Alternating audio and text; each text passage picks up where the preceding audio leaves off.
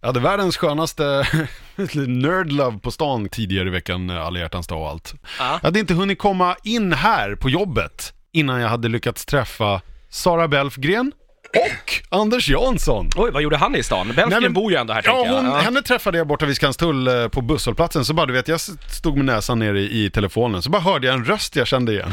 Ah. Den här rösten har jag hört i en podcast någonstans.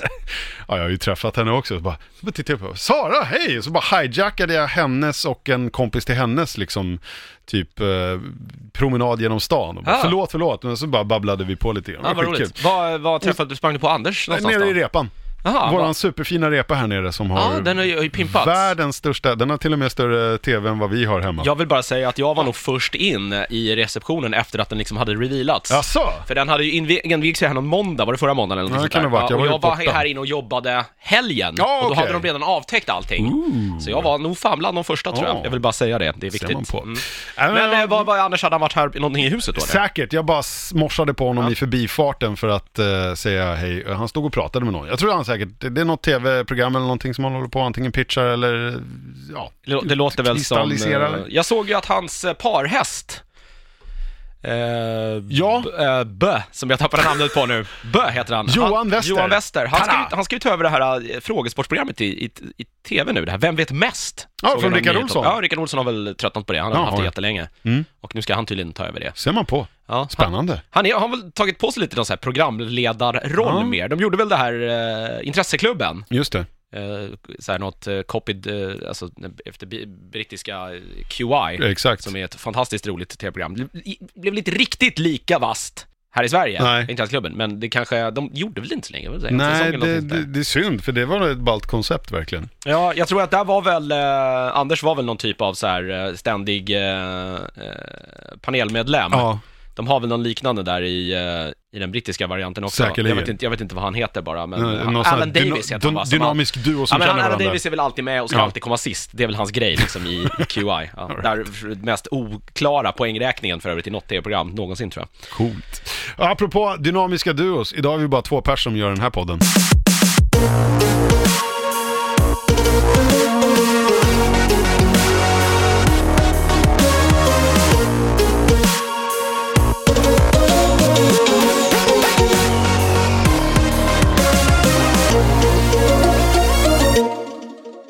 Det här är i alla fall Nördigt, en podcast om spel, comics, film, tv-serier, andra nördigheter och eh, allt däremellan. Jonas Berglöf och Peter Kjelliner som sitter i panelen idag.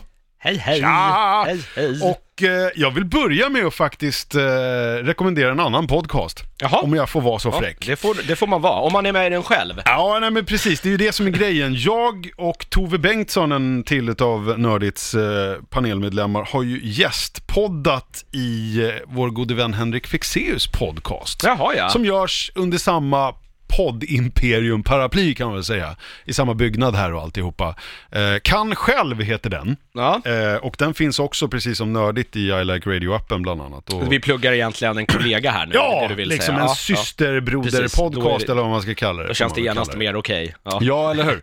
Ja, men den finns eh, i eh, 15 avsnitt, det senaste är det 15 eh, där jag och Tove gästar då, då som sagt. Och eftersom Henrik är sån här mentalist och Mm. håller på med sådana saker, hur man kan styra folks tankar och, och lite grann sådana saker, så handlar ju den här eh, liksom om eh, det mänskliga psyket. Det närmsta en, en riktig superkraft man möjligen kan ha. Ja, eller hur? Ja. Ja, men hans podd handlar om det och på lite olika sätt. Han har intressanta gäster, olika vinklar hit och dit och sådär. Och när vi nu är med i, i veckans avsnitt som släpptes idag eller igår, jag kommer inte ihåg, så vill Henrik eh, reda ut vad det är hos människan som drar oss till det eh, fantastiska, det övernaturliga, det, det här eh, liksom, ja, sci-fi, fantasy, superhjältar.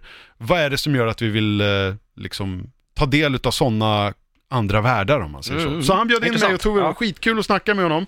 Jag vet inte om vi fick något vettigt sagt, men det vart ju prat som Tove brukar säga om troll och svärd och skit. ja, precis. Eh, och det var jättekul. Den finns eh, ute nu. Eh, det fantastiska med fantasi heter avsnittet. Eh, med eh, Tove och mig som gäster hos Henrik Fexeus i hans podcast. Kan själv rekommenderas att du lyssnar på betydligt kortare podd än vad den här brukar bli. Det, är så. Ja, det finns ju mycket andra roliga pods generellt sett i Ja, ja, ja. Radio, så ta när du liksom har lyssnat på oss och känner att nu, nu är det en hel vecka kvar tills de Mm. kommer igen. Vad ska jag göra nu? Det känns lite tomt. Precis. Kolla in där. Ja men det kanske kan vara en inkörsport då för att lyssna på hans podd och i bästa fall så blir det sån här skön cross-promotion så att hans eh, följare kanske kommer hit. Då Just det. säger vi, har du kommit hit för att lyssna för att du vanligtvis eh, hänger med Henrik Fexeus, välkommen!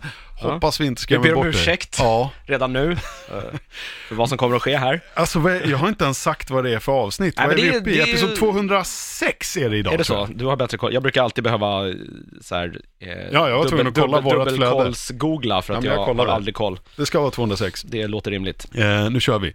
Eh, du och jag kör idag och vi har en eh, kompott utav saker, eh, kan man väl säga. Mm. Ja, det blir lite, eh, kastat ner massa roliga saker i en påse och så kastar vi runt bara så ser vi vad som kommer upp så att säga. Vi ska börja med att prata om en trailer. Det Man ska brukar vi. prata om trailers, att de görs, liksom ibland kan ju trailers vara mycket bättre än vad produkten i sig är, etc. och så vidare. Ibland kan den vara missvisande, Ja. ibland kan den visa för mycket eh, och, och så vidare och så vidare. Det här som vi ska börja med att prata om, måste jag säga, det är något av den bästa jag har sett i trailerväg. Jag har Ingen aning om vad slutresultatet är, det får vi fråga Mats Nylund, för det handlar om trailern. Och jag är så pepp på det, jag fattar inte hur fan det hände. Jag tror att det var Clutch som gjorde det. Hade Ja! det varit någon annan musik så Ja, tror eller jag, hur? det hade gått dig förbi då tror Det jag. är trailern till Farming Sim 19 som bara så dök upp i mitt flöde. Jag tror det var Playstations Twitterkonto som Mm. pubbade den. Och det är som sagt, det är så här stämningsfull musik utav det amerikanska sydstatar rock eh, sludge eh, bandet eller vad man ska kalla dem, Clutch. Skitskön låt. Ehm, och så är det liksom bara i princip eh, en bonde som eh, i slutändan visar sig vara en riktig jävla hunk. Ja, man fattar Med inte riktigt vad det är. och skit. Och hans eh, kompanjonhund som i princip bara går till en lada, öppnar den för att, jag vet inte, kicka igång traktorn. Och det, that's it. När man ser trailern så förväntar man sig ju med musiken och att han någonstans här, eh, han ska öppna och där står det någon form av så här, någon egenhändigt byggd eh, så här zombie-slaktarbil. Det Ja. var lite det man förväntade sig att få se och sen man, nej, Farming Sim 19. Så Ja. det var inte mer spännande än så.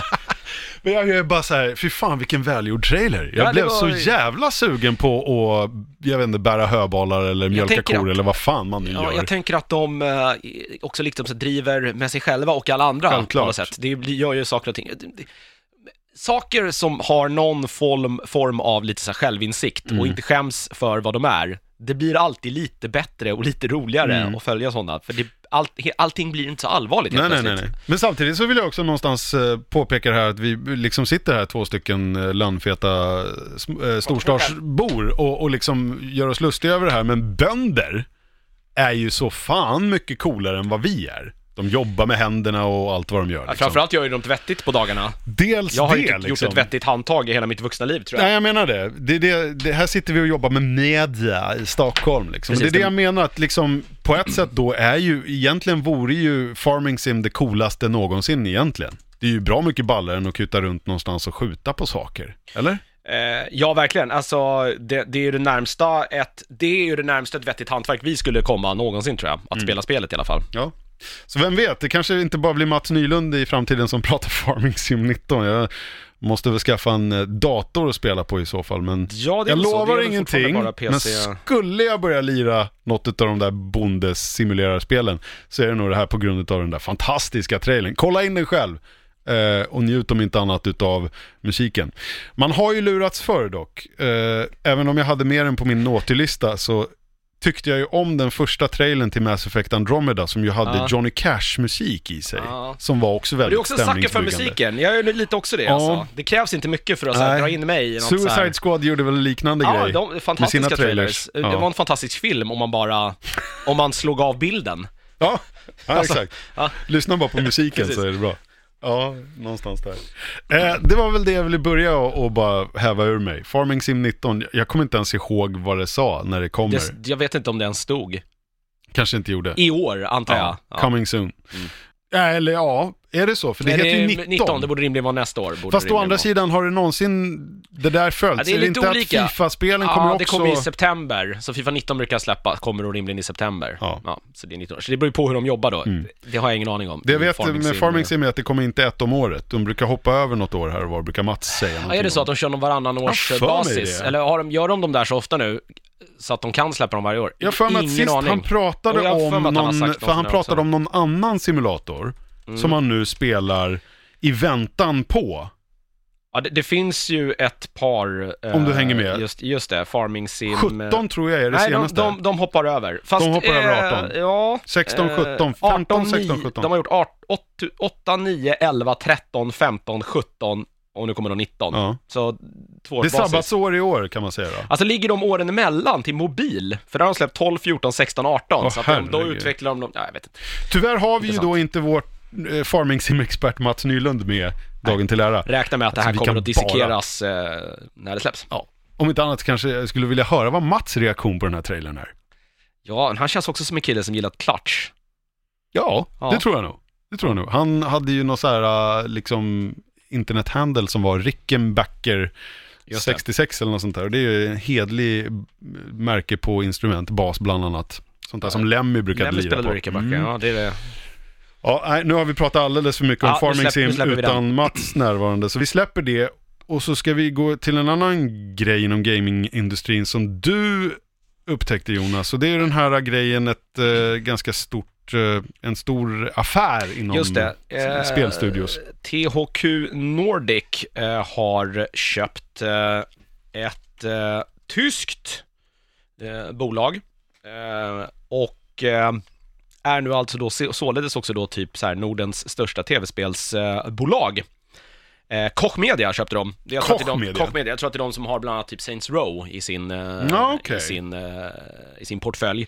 Eh, och det är väl bara intressant sådär att, att på något sätt så här det här lilla, jag tror inte att så många så här Dead Island också till den här, ja, alltså, jag tror att så här, THQ, även om de nu eh, uppenbarligen då är störst, så tror jag att så här, det är inget företag det kanske pratas lika mycket om än de andra liksom Nej. stora sådär nordiska Eh, nordiska eh, spelarna, men det är intressant, vi får se vad det här får för, eh, för liksom konsekventer, konsekvenser. Eh, jag tror att det är även de som äger så här Metro-serien. Ja, tyska, ja, Metro, det här som bygger där. på den här sci, uh, sci-fi roman, romanserien. Precis. Metro 2031 heter den va? De har väl en, så här, en rejäl portfölj. Det är väl även 2032. THQ som sitter på alla så Warhammer-grejer också tror jag. Kan vara, jag vet att de hade väl med Darksiders att göra också, Ja, va? det är också, det är också THQ. Och så har de ju då någon under, eh, något underbolag som de äger då som, som Mm. gör spelen. Darksiders är ju väldigt, det är ju som, Vigil Games var det som utvecklade precis, det. någon form av så här moderna, eller något modernt Zelda kanske. Mm.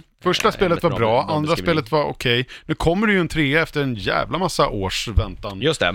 Spelserien låg lite på dekis där ett tag, men tanken var väl fyra spel Ja, för de här fyra apokalypsryttarna, men det frångick de väl här nu tror jag. Eller?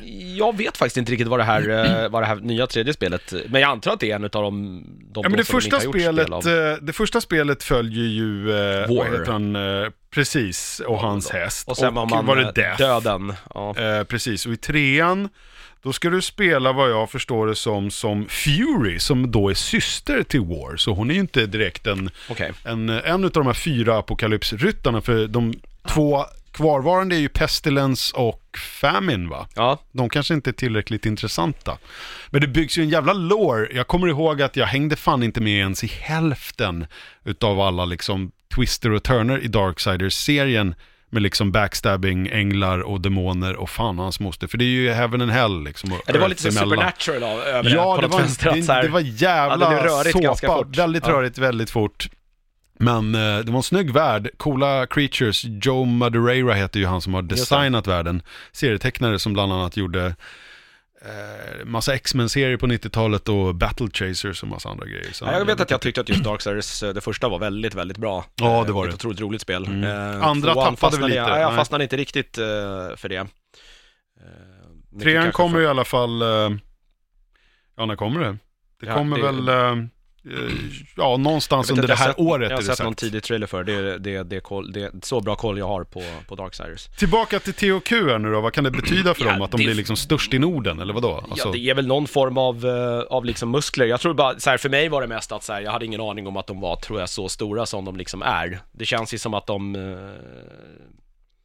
eh, att de, som jag sa, att det är kanske ett bolag som man inte riktigt eh, har sådär superbra. Man har sett liksom THQ-loggan innan spel. Ja. Man har inte liksom men de är ju mer distributör liksom. Ja, verkligen. De köper alltså. väl upp eh, alltså spelstudios Ja. och låter väl dem hålla på med det de håller på bäst. Det är väl lite hela liksom, affärsidén. Eh, de har ju inte funnits så länge heller och det är väl mest det som är liksom mest imponerande, men det verkar ju gå fruktansvärt bra för dem. Ja. Men snabb titt på Koch Media, vad de har Ja, det var i väl, sin eh, det var väl, det portfölj. var väl Metro och, eh, och eh, Saints Row. That's it. Ja, det är säkert massa annat, men det är väl det som är de, intressanta. Men de har köpt eh, speldelen då, för jag tror att det är ju ett större bolag än bara spel. Jag skulle, Media. jag skulle gissa att det är så. eh, Att man För de gör väl den. annat än bara det? Som det funkar i våran värld. Man Ja. säljer tv-delen men behåller någon annan del av sin, eh, sin media. Ja, eh, precis. För att det är ju spel som THQ primärt håller på med. Jag tror inte att Mm. de vill hålla på med någonting annat. Nej, nej, men så kan det ju Eh, vara. intressant, det är lite sån nyhet i spelvärlden. Eh, THQ lär vi väl kanske få se mer då av, eh, ja det lär vi väl få göra i vilket fall, men eh, det går bra. Det går bra 100 för Sverige. 121 miljoner euro köpte de det för. Ja, alltså lite, lite drygt över en miljard, vilket tydligen i sammanhanget är väldigt billigt. Jag har ingen aning, jag ska inte uttala mig om vad, vad saker och ting är värt, för jag vet ingenting om det.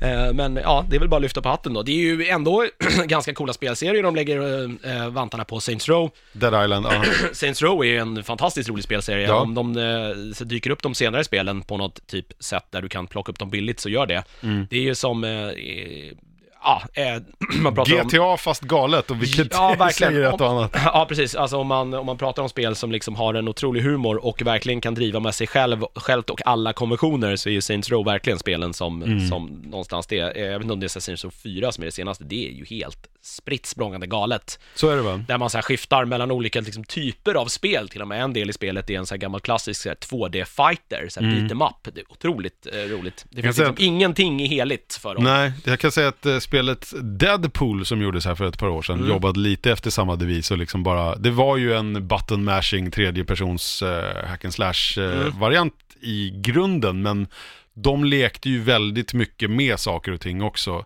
Mm. En del av det är också så här väldigt så här arkadigt.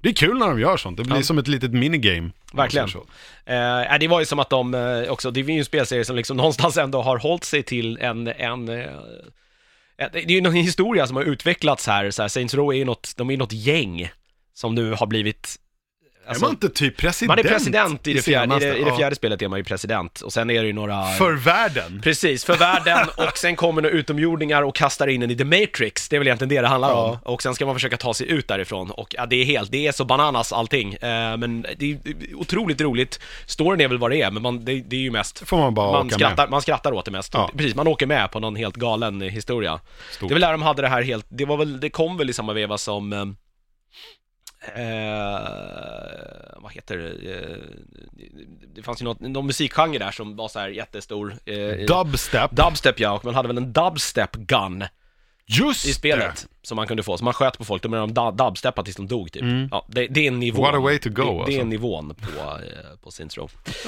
det är en, det är en rolig spelserie, vi får se om det kommer något nytt då. Det har inte, det har väl inte kommit något Saints Row så här sen fyran. Nej, det kan nog stämma. är jäkligt länge sedan. Får se om THQ kanske skakar liv i den där spelserien. Ja, nu när de har köpt upp och Precis. tagit tag. Eh, det om det, har du något mer spelrelaterat? För annars tänkte jag att vi ska gå vidare till lite filmtrailers och prylar. Mm, nej, det var väl ingenting eh, mer spelrelaterat så, inte värt att nämna här i Nej. alla fall. Jag missade, var det förra avsnittet av den här podden som ni snackade Super Bowl-trailers va? Det gjorde vi. Jag missade ju hela Tror det jag, ja. racet. Eh, men det har kommit eh, lite trailers till sen dess. Eh, det finns ju en annan vältittad sport eh, sak på tv just nu tydligen. OS, Eh, Vinter-OS, menar du? Ja. eh, säger de. Eh, och det är ju det roliga med de här, som totalt sportintresserad själv, jag vet att du gillar sport i viss mån. Nej, vinter-OS är väl ingen... Nej, men, men nej. överlag i alla fall, Ja, mer än vad jag gör, så är i alla fall de här sportevenemangen, det de är bra för, är att det alltid kommer lite coola reklamfilmstrailers för saker och ting. Ehm, och ni pratade ju förra veckan, avhandlade då, bland annat den här Infinity War, ja det var inte så mycket mera man fick se Jag utav måste säga det. att det var, det var ett svag, det var en svag eh, trailer Super Bowl. Det brukar vara mycket fetare vad jag Mm. Ja. minns de tidigare, tidigare åren, att man har lagt mycket mer krut på det, och att det har kommit mycket mer framförallt. Det kändes ganska svagt i år. Ja, tråkigt, eh, för det finns ju potential att kasta ur sig. Men ja, samtidigt så fick man ju det man borde ha fått utav alla. Så vi fick en Infinity War-pryl, vi fick en Han Solo-pryl och, och vad det nu var mer. Eh, men det som kom i vakvattnet här i alla fall, det var ju att eh, bara några dagar efter så kom det en trailer till Venom. Just det. Så den tänkte jag vi skulle börja snacka om. Han har ju redan eh, figurerat en gång i, i eh, Spindelmannen, eh, Ja, eh, världen. ja, det var Topher Grace som gjorde Eddie. Brock i Spider-Man 3, denna tågkrasch i slutet av Sam Raimis eh, filmtrilogi. Just det. Svärtade ner protokollet där kan jag tycka.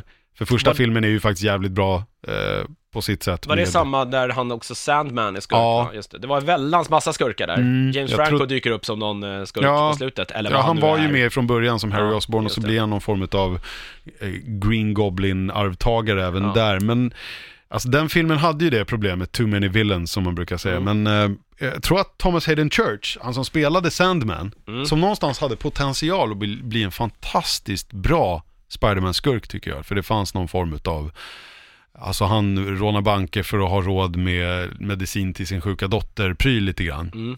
Eh, den slarvade de ju totalt bort istället där. Eh, men han gick ut i någon intervju nyligen och försvarade Topher Grays eh, porträttering av Venom. Jag tänker att han kanske inte fick så mycket... Det var svårt att göra någonting med det, tänker jag Mm. kanske, för stackars Topper. Ja, inget, ingen skugga över honom så. Jag tror att det hade med, alltså det hade inte med skådespeleri eller casting att göra, problemen där. Det var nog för mycket inforsat.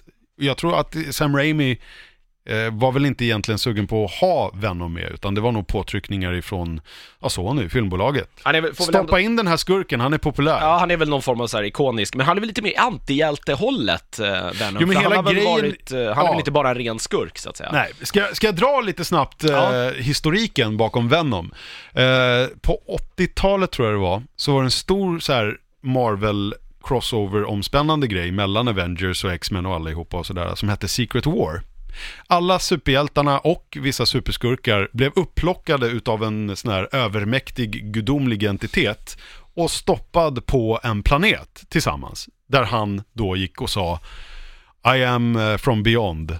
Eh, fight each other and the winner will get eh, all their hopes and dreams. Okej. Eh, om du förstår vad jag menar. Mm. Och sen var det bara one, two, three, fight. Och så var det liksom Captain America och Fantastic Four versus Dr. Doom och, och alla andra skurkar. Ehm, och, och hans, eh, i princip, eh, liksom syfte med det här, den här Beyonder var att liksom, ja, du vet, han var fascinerad och ville se de här små, liksom obetydliga varelserna slåss mot varandra. Ja. För att det underhöll honom i princip. Eh, och i någon av fighterna där så blir Spindelmannens dräkt skadad. Jag kallar honom för Spindelmannen nu, för det här är på den tiden då han hette det för mig i serietidningen. Ja. Där någonstans 80-tal. Eh, och de hade så här maskiner som kunde göra nya dräkter. Så Thor som fick sin mantel sönderriven kommer utgåendes med en ny fladdrande röd mantel och Spindelmannen bara, jaha vad, vad fick du den där ifrån? För att här går jag runt i liksom mina red and blues helt söndertrasade. Ja men det finns en maskin där borta som kan skrädda ihop en ny dräkt åt dig. Det är bara att tänka på vad du vill ha. Mm. Och Spiderman sätter sig där, tänker på vad han vill ha och så kommer en liten svart kletig boll och, och liksom börjar kräla över honom. Och så får han den här svarta dräkten och bara, ja, ja, men där är väl den då. Och den här dräkten är ju mycket bättre än hans vanliga dräkt för den kan liksom ändra färg och form så han kan få den att se ut som civila kläder. Den kan liksom, ja, göra massa andra saker än vad vanligt tyg kan göra. Och han bara, fan vad bra. Sen visar det ju sig med tiden, för han kommer tillbaka till jorden efter den här tiden på den här äh, battle-planeten eller vad man ska säga, efter Secret War. Fortsätter att ha den här svarta dräkten. Eh, sakta men säkert går det upp för honom att den här svarta dräkten är en tänkande levande symbiotvarelse och inte bara någon avancerad eh, teknologidräkt. Mm. Som sen försöker någonstans ta kontrollen över honom. Och där någonstans gör han sig av med den. Med hjälp av högt ljud. Det är väl lite, det är lite kanon då i, Ja, i eh, absolut. Spelmannen absolut. För 3 det den, den inte är tål sak. är eh, högt ljud och eld. Det är den liksom skygg emot. Och sen var det inget mer med det under flera, flera år. Tills det plockades upp i en serietidning som gjordes utav Todd McFarlane. Mm. Som någonstans är skapare utav karaktären Venom, tror jag. Eh, designen i alla fall, det kan ha varit en annan manusförfattare nu när jag tänker efter. Långt, långt senare i alla fall så får man veta att när Peter Parker lyckades göra sig av med den här dräkten så krälade den iväg, precis som i filmen Spider-Man 3, och hittar Eddie Brock som blir den nya hosten då för den här dräkten. Eh, Eddie Brock som har ett förflutet med Peter Parker som har liksom enligt honom förorättat honom, precis som i filmen. Så han drar ju upp en personlig vendetta och blir en ärkefiende till honom. med den här dräkten. Han döper sig till Venom och de bildar ett band. Det som inte Peter Parker lät den här dräkten att göra. Men det gör ju att han blir galen på kuppen om han inte var det redan. Där någonstans är Venoms origin story ifrån serietidningarna och även i den här Spider-Man 3-filmen. Frågan är bara vad de ska göra utav den nu då. För nu är det en film på gång. Den heter Venom, kort och gott. Det är Sony som ligger bakom den, själva. De som har haft Spindelmannen innan, Ja. innan de lånade ut Spindelmannen nu till... Till, till, Till Mar- eh, till Marvel Studios, Ja. precis. Eh, det blir en sån där röd Marvel-logga framför filmen ändå. För osmart vore det väl annars, för det gör ju väl även eh, X-Men-filmerna också har jag för mig. Det kanske de inte gör. Jag tror inte de gör det, nej. kanske de inte Nej. gör. Skitsamma. Ehm, den kommer i alla fall i höst, i oktober. Det är Tom Hardy som ska spela Eddie Brock. Ja, jag- här, det känns inte, jag vet inte. Vad tänker du? Det Nej, känns det inte... Känns inte, jag vet inte, det känns... Min bild av Spindelmannen är ju att det mesta är ganska så här, det är ju, jag vet inte, han känns, han känns för hård och kantig. Okej. Ja, ja, ja, ja, men det är för nog- att passa in i någonstans i något så här Spindelman-universum. I alla fall det Spindel, Spindelman-universumet som jag själv liksom, som jag tycker att det ska se ut och Mm, lite den bilden man har fått. Men det kanske är format av de tidigare Spindelmannen-filmerna som har kommit. Jag vet inte, men jag tror, jag tror däremot att vi har börjat nå en punkt i superhjältefilm franchise-genren där man börjar försöka ta lite, alltså ta ut svängarna lite. Mm. Istället för att göra de här eh, typ 1A-filmerna Ja, verkligen. så börjar man försöka hitta på lite andra saker. Du har eh, den här kommande New Mutants där ju, eh, vad heter de, Maisie Williams ska vara med och eh, eh, vilka fler det nu är. Eh, som tar lite mera så här horrorspår. Mm. Du har Logan som kom här, Ja, ja, som ju var en Det var helt annan typ av film. Mörkare utan tvekan. Deadpool lika så. Till och med MCU-filmerna har ju nu börjat hitta sina egna röster. Vi kommer ju att så småningom, eh, dels i det här avsnittet och eh, säkert senare, prata lite grann om Black Panther. Vi har Guardians-filmerna som har sin unika ton. eh, och Thor, Ragnarok lika så. Att det börjar liksom hända någonting. De bör- börjar bli mer än bara det här uh, mittfåre-grejen. Ja, verkligen. Så jag tror att det är något sånt de har tänkt här. En mörkare, mer seriös variant. Mm. För Venom är ju inte den här färgglada, glättiga superhjälten. Han är ju svart och har tänder för fan. Ja, verkligen. Nej, men eh, det kanske är en, eh, en karaktär också som har eh, ett helt, ett annan typ av djup än vad, än vad Spindelmannen har. Det kanske är lite vuxnare, hans problem också, Ja, än alltså- vad Spindelmannens problem till mångt och mycket är. Så här, han är olyckligt kär typ. Ja. Det är så här, uh, släpp det och hitta någon annan. Ja, Typ. eller Skärp dig. Nej, nej men när, när, när karaktären kom så var han ju först, blev han ju ett så här obehagligt hot gentemot uh, Spiderman. För att en av de stora grejerna var att eftersom den här symbiotdräkten hade liksom varit med Peter Parker så länge, så hade den lyckats på något sätt, eller om det var någon förmåga den hade i grunden, kunna neutralisera hans eh, spider sense, den här eh, varningsklockan Mm, som. Spiderman har. Eh, som gör att typ så här, om han håller på att ta av sig masken så varnar den för hej, någon ser dig. Mm. Eh, Byt inte om just nu. Men den neutraliserades av den här dräkten, så ganska tidigt får ju Eddie Brock reda på att Peter Parker är Spiderman. Ja. Så han börjar liksom staka honom och hans fru, för han var då gift med Mary Jane i, i serierna, och hans faster. Och liksom det blir så här jävligt creepy, eh, jävligt fort i serietidningarna. Eh, plus att han liksom, Venom var ju då också en, en sån här superskurk som inte var så här, jag ska råna banker bara för att, eller jag ska ta över världen bara för att. Han hade en personlig vendetta Ja, mot. Spiderman, bara i princip. Mm. Sen efter ett tag så förvandlades ju karaktären till att, att, att ha mer andra liksom motivationer. Han eh, blev liksom lite grann utav en antihjälte, för han är ingen bad guy egentligen. Men han har ganska hårda metoder, så han blev någon form av hjälte som liksom straffar dem som förtjänar det. Lite av en Punisher light skulle jag säga. Ja. Ehm, och det fanns en storyline som hette Lethal Protector eh, som gick ett tag, där han i princip också, tror jag, fick anställning att vara eh, liksom någons bodyguard eller vad fan det nu var. Jag har för mig det. Jag har, eller har haft de där serietidningarna. Och hörde rykten om att den här filmen skulle baseras lite löst på det. Men Så det, det finns ju inget, fler det blir inget bottnar. Spindelmannen i det här i alla fall. Det kanske kan vara ganska skönt. Ja, säg inte det, Ah, okej. för kollar man på IMDB så står Tom Holland med Okej, i Han castlisten, kanske dyker upp då krediterad som, som en Peter liten- Parker. Ja. Men det kanske blir lika mycket cameo som Batman gjorde i Suicide Squad om du förstår Ah. En halv scen i förbifarten Ja. liksom. Jag så här, här har ni den här killen. Ja, typ. bara Ja. för att koppla ihop det. Mm. Annars är det ju eh, Michelle Williams. Ja.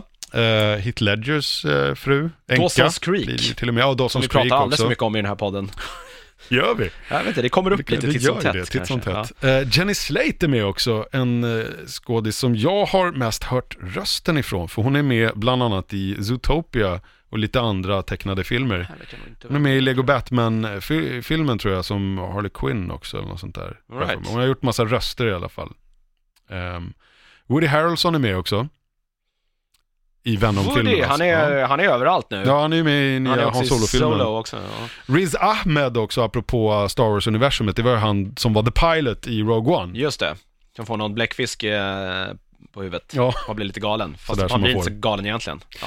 det är väl de ansiktena man känner igen. Eh, regissör är Ruben Fleischer, som har ett förflutet med bland annat Zombieland, apropå Woody Harrelson. Harrelson ja. Och det är ju bra. För det är ju en jävla bra rulle. ja Eller? jag Eh, vet inte, tycker jag i alla därefter har han kanske inte gjort så mycket kul. Nej, nej det har han väl inte. Men eh, det känns ju som att tar man in en sån regissör då är man ute efter en lite annan ton i alla fall. Ja, jag vet inte, jag tyckte att trailern inte gav någon, något sken om att det skulle vara lite så här, Superhjältigt. lite kul, Nej, så att säga. Utan det absolut kändes inte. mycket, mycket mörkare det här. Ja, eh, Tom Hardys Eddie Brock är ju en, en man plågad av demoner som han själv liksom säger i någon slags voiceover där. Ja, precis. Verkligen. Ja, själv trailern sig sa ju inte så jävla mycket tycker jag. Alltså vad det här kommer att handla om och, och var det någonstans Nej, är på det, väg. den var väldigt var bara ganska- stämningsfull och, Ja. och gav inte mycket detaljerna utan det var mer så här, man fick som hastigast se något labb med den här, s- ja det här svarta klägget Mm. kanske lite grann. Ehm, och att han hade väl några så här svarta ådror på halsen som Mm. väl någonstans skulle antyda att han blir övertagen av den här symbioten. Jag har ingen aning om de kommer följa kanon vad det gäller liksom, jag tror inte de kommer göra så mycket för kanon är ju att det är en symbiot från yttre rymden. Mm. Eh, de var ju tvungna att kapa bort hela den här uh, Secret War-grejen i gamla Spider-Man 3. Ja, den var ju Den lite, landar lite bara. svår att presentera möjligen kanske. Ja, Ja. Den landar väl bara på jorden har jag för Jag mig. tror När att det är så. Peter och Mary Jane har någon dejt ute i skogen, Ja. som han har. Och den kladdar sig på fast på honom. Ja, det är på då hans han moppe blir, han, först. Ja, han blir ju emo Spiderman först. Och sen kommer han på att det här var ju inget bra, för nu är jag Nej. taskig mot alla. Mm. Så här, han börjar dansa på en jazzklubb. Ja, det är otroligt som man märkligt. Som man gör. När man är, När man lite, är När ond. man är lite mörk börjar och ha mascara eller Ja, kajal runt ögonen. Eh, nej, det var, det var märkligt. Eh, Och jamolugg. Ja, men jag tror att det här kommer vara någonting lite mörkare, lite seriösare ton och med lite kanske skräck, eh, body horror element över sig Mm. snarare än någonting annat. Och sen är det intressant då också att det handlar om en karaktär som är, ja, om inte skurk så antihjälte åtminstone. Det är det nya svarta nu. Alla antihjältarna, alla, Haha. alla, antihjältarna får sina filmer. Alltså, Ja. Deadpool är väl Ja, ja, rakt precis. i den, i ja, den men verkligen. få, fåran också, så Mm. att säga. Definitivt. Det var väl något snack om att, eh, jag läste något också om att DC vill göra film på sin Deadpool-motsvarighet. Jag vet inte vad hjälten heter, för det, har, för det är sån här, Deathstroke. någon biker-snubbe. Deathstroke, eller? Är, är det så han heter? Ja. Nej, jag vet inte. Eh, Det är det väl. Men han har ju dykt upp lite här och var.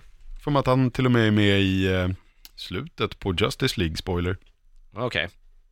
Eh, Ja, jag vet inte. Det var, jag bara läste lite om den hjälten och det kändes inte så kul. Är Mm. det Deathstroke? Det kanske det är. Ja. Jag för mig det. Jag, är ju, ja, jag ska ju villigt erkänna att jag är, har bättre koll på Marvel-prylar än DC-prylar. Men jag Nej, det var nog inte, var inte den karaktären jag läste om. Ah. All right. Strunt samma, det var så här, ja, eh, jag vet inte. Jag blev inte så här jätte... Ah, Jag vet inte, man fick se så jävla lite, men det kanske är bra så här inledningsvis. Men jag skulle vilja ha mer trailers, jag gillar ju trailers. Ja, du gör det. Ja, jag har inget emot det heller riktigt. Eh, vi får väl se, ja, det lär väl komma mer. Mm, Eh, ja, det är ett tag kvar till oktober, det lär väl komma någon i sommar gissar jag sådär, Mm. som ska uh, hypa upp den. Men det är ju inget slit och släng som sagt. Det är Tom Hardy, han brukar ju vara bra i det mesta han gör. Jag menar, han var ju fantastisk i... Vad ska vi ta?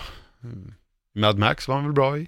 Revenant är Ja, med i. verkligen. Han säger inte så mycket Mad Max men han är, ja, han är ju bra där, absolut. Ja. Han grymtar mest. Bane var han i Batman, så det är inte första gången han spelar Nej, just det. superhjälteskurk. Just det.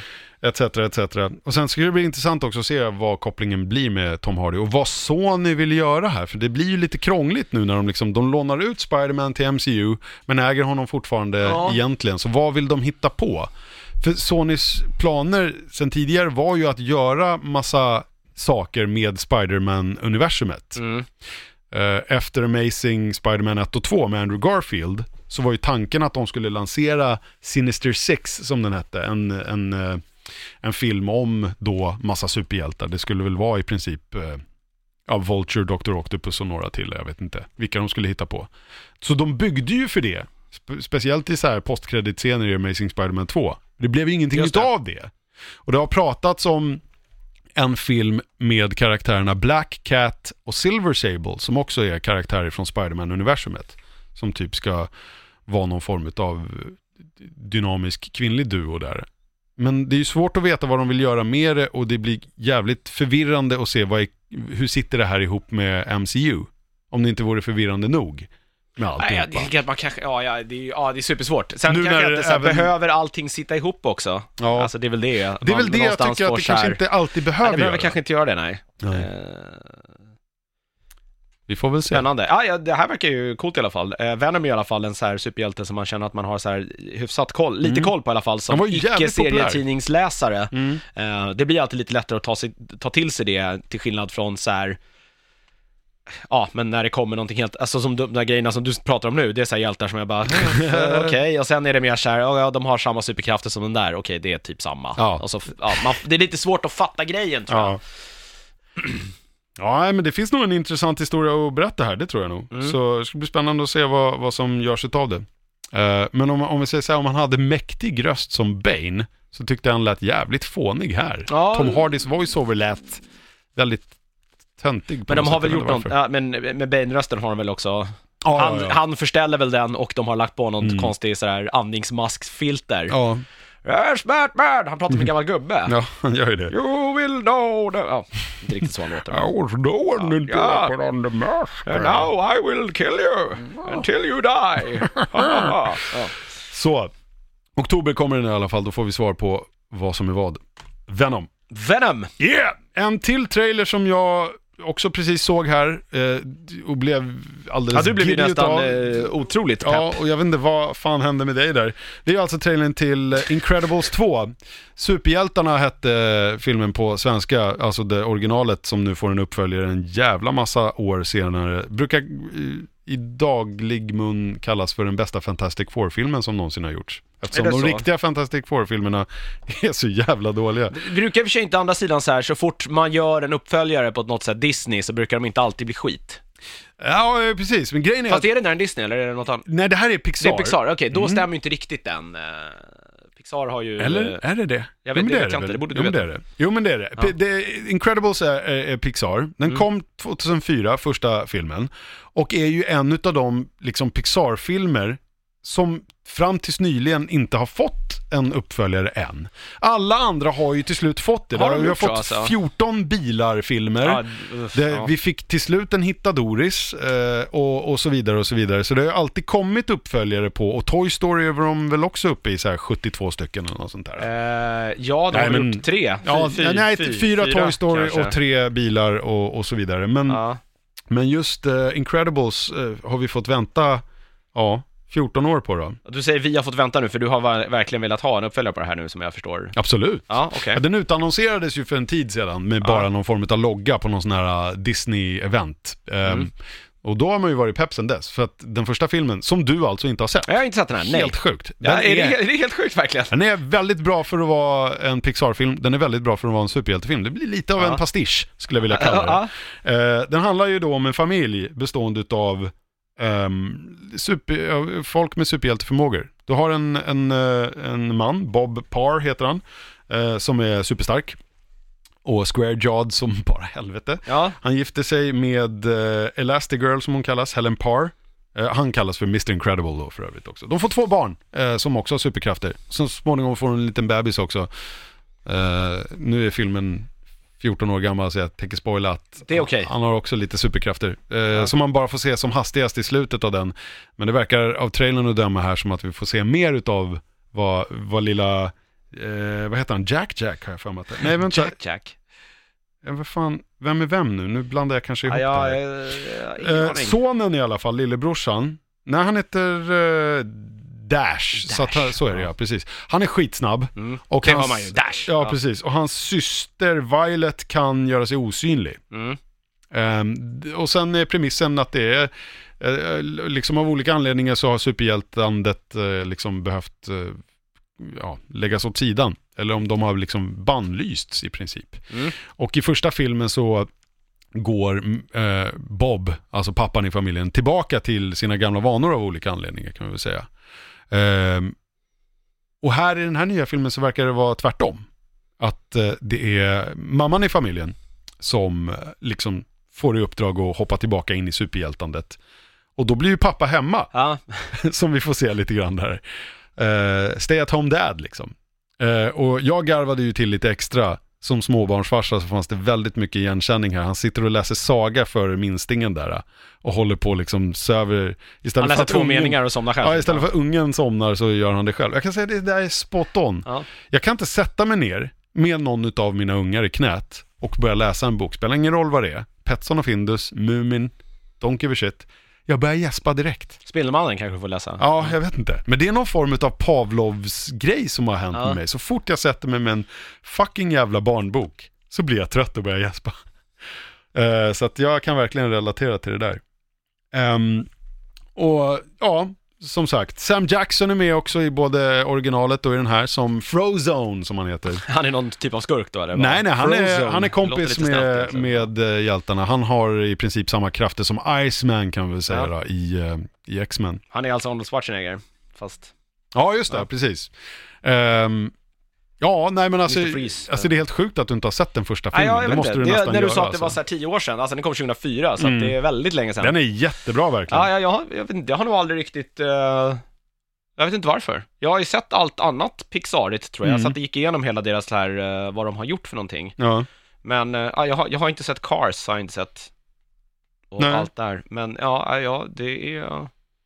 Ja, det är jag märkligt vet tycker jag. inte. Jag tycker det faktiskt Ja. är väldigt märkligt att Ja, du har missat ja, den. För det är också, det- brukar, brukar kallas som, Kanske. eh, som, för en av de bästa liksom, sådana här animerade Pixar och, och liksom överhuvudtaget tecknade filmer. Och en jävligt bra superhjälterulle också. Mm.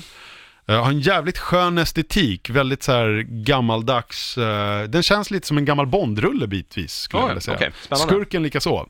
ehm, på, på olika sätt. I viss mån. Det är ju Brad Bird som har regisserat både originalet och eh, nästa här. Jag tror att han är har helt gjort- ensam på, han har skrivit allting eh, Ja. eh, också. Han har ju gjort extremt mycket eh, animerat Ja. framförallt. Men han har ju även gjort, eh, alltså allt ifrån typ så här Järnjätten till Ratatouille och sådär. Men han gjorde ju även Tomorrowland. eh, Just det, som faktiskt annat. var helt okej. Ja, ja, Ja, absolut. den. absolut. Jag för mig att han har gjort lite icke-Disney också när jag tänker efter. Ja, han gjorde någon av de här Mission Impossible-rullarna. Han, Jag vet ja, inte om han gjorde det bra dock, men... Nej, nej. ja. Ja. som sagt, de pratade vi om förra veckan också, att jag Ja. har inga... Ghost Protocol gjorde han, Ja, säger precis. mig ingenting. Jag har Nej. faktiskt inte riktigt sett, eller jag har nog sett dem fast i konstig ordning och Ja. eh, bits and pieces lite överallt. Jag kommer ju förmodligen att få en väldigt nostalgisk resa när jag ser den här filmen. Om du, oavsett om eller när du kollar på första filmen så kommer du förmodligen inte känna samma sak. Mm. Men jag menar, för jag kommer ihåg hur jag kände när man fick se Finding Dory efter att ha haft liksom Finding Nemo så nära om hjärtat i Mm. alla år. Så det här ska bli skitkul. Ja, Eh, och jag är, jag är, jag, det skulle, mycket till tror jag om man skulle bli besviken, tror jag. Av trailern att döma så har den samma ton som originalet också. Så att det där kommer nog bli en homerun som man säger. Det är en, en uh, sure shot, skulle Yes. jag vilja påstå. Ändå. Och Pixar gör ju ofta inte så många snedsprång. De brukar klara det bra för det mesta. Det var väl den här, den gode dinosaurien som var lite sådär. Eh, Ja, Annars brukar de vara ganska bra, de här, tecknade filmerna. Insidan ut tyckte jag inte var superrolig Tycker du heller. inte? Jag tycker Nej, den var ja, Det fanns skitbra. delar i den som jag gillade, men Mm. nej. Nej, den tyckte jag om verkligen. Nej, sen är det framförallt alla så här en miljard, jag vet inte om vi behöver en Toy Story 4, nu kommer vi få det, men Mm. det- är bara så här, kan vi inte bara Ja, släppa just det, det? Kan vi, inte bara, kan vi inte bara släppa det nu? Ja. Vadå? Tom 1 Hanks två, och, och Ja, ja, fantastiska filmer när de kom, men jag, nu känns det Tim Allen måste ju också få snacka lite grann. Ja, det kanske är så. Den här nya filmen har ju samma cast som sist i alla fall med några nytillskott. Bland annat han eh, Bob Odenkirk som spelar, eh, ja han Better Call Saul ifrån eh, Ja, det. Ja. Breaking Bad. Eh, och Jonathan Banks som man känner igen också. Eh, han brukar alltid spela nedrig. Han är också ifrån... eh, Nedrig! ja men han är ju också med i Breaking Bad. 50-talet där ringde och ville ha tillbaka sitt ord. Och John Ratzenberger som alltid är med i alla Pixar-filmer. Nej, han det? Han gör ju alltid en eh, röstcameo Ja. i allt. Även i den här nya Coco alltså? Ja. ja det gör han. Jajamän. Det såg jag här nu. Mm, så, vi Ja. kommer till det. Ja. Han ifrån eh, Skål, tv-serien. Ja. För den som, För den som, för den som är, så, är så gammal. gamla referenser. Det var ju för övrigt en, det går väl åt full circle här nu, för det är väl en, en, eh, en tidig för, eh, eh, vad heter han? Vi nämnde honom i början här. Eh, Zombieland. Eh, Ja, Woody Harrelson, Woody. Harrelson, ja, precis. det var väl lite hans genombrott. Ja, det var det väl. väl. Ted Danson var med också Ja, tror jag. Ted Danson. Som är fantastisk nu för tiden i The Good Place. Ja, är han där nu? Okej. Ja. ja. Så, ja men det var den. Eh, ser vi fram emot eh, sommar på den. Eh, sensommar i Sverige tror jag. Det stod Mm. någonting juni-juli i slutet på trailern där, men jag tror att den kommer ännu senare i Sverige. Det blir en sån här uh, sommarblockbuster. Ja, det är så konstigt för just de här tecknade filmerna får vi alltid vänta på, medan så här allt DC och Marveligt Mm. får vi alltid före. Före, ja. Det är Ja, en märklig... väldigt ja, märkligt. Ja. Eh, det om det. Vi eh, vänder blad och går vidare till eh, George R.R. Martins ja, fantastiska en liten värld. kort stint om honom. Vi har ju, eh, vi har ju ventilerat våra, våran oro i den här podden för att han ska på något vis gå och göra en Robert Jordan på oss. Gå och dö innan gå han skrivit innan han skrivit klart. Och Men det, där se- fixar Bane of a Wise i så fall va? Eller? Ja, det kanske de gör. Eh, jag vet inte riktigt. Och de som håller på med tv-serien Precis, istället, det ja. kanske de gör. Det nya här nu i alla fall är ju att eh, den senaste då, eh, den kommande boken i eh, Fire and Ice-serien, Mm. det är väl då den sjätte i ordningen om jag inte är eh, helt, eh, Så jag har inte helt fel. Sjukt Heter i alla fall. Winds of Winter. Eh, det var ju snack om att den skulle komma i år. Nu blir den återigen försenad. Enligt honom själv? Enligt honom själv, det har han skrivit på sin egen hemsida, Ja. han använder någon hemsida, det är någon blogg eller något han har. Eh, och anledningen är ju att han är, har fullt upp nu med sin så här Targaryen spin-off som heter Fire and Blood. Det var ju också ett avsnitt tror jag i, eh, i Ja, det var det, eh, som hette det. Eh, och eh, ja, det är någon så här form av prequel då på något vänster. Alltså det ska väl handla om så här Targaryen-släktet och hur, eh, hur de, vad som, vad som hände liksom innan. För upp till att Jamie Lannister sticker ihjäl så här, The Mad King. Ja, typ, och egentligen får hela, och liksom störtar det, det är flera hundra år av, av tyranni och Targaryen-styre. Det är Mm. väl lite den bilden man har fått i alla fall. Det här var tänkt att, som jag har förstått att han skulle skriva det här när han var klar.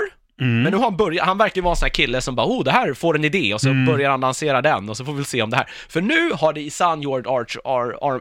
R. Martin-anda också, den här uh, Fire and Blood-spinoffen, blivit alldeles för stor. Så istället för en bok så kommer det bli två böcker. Och det här Ja. är ju inte första gången Nej, han nej. gör en sån grej. Nej. Eh, det här är väl också lite skämtsamt kallats så här, någon form av så här, George R. R. Marillion. Alltså Silmarillions Ja, Tolkien, okej, ja. för att det då ska på något vis då eh, handla om allting som var Ja, innan. just det. Någon form av prequel.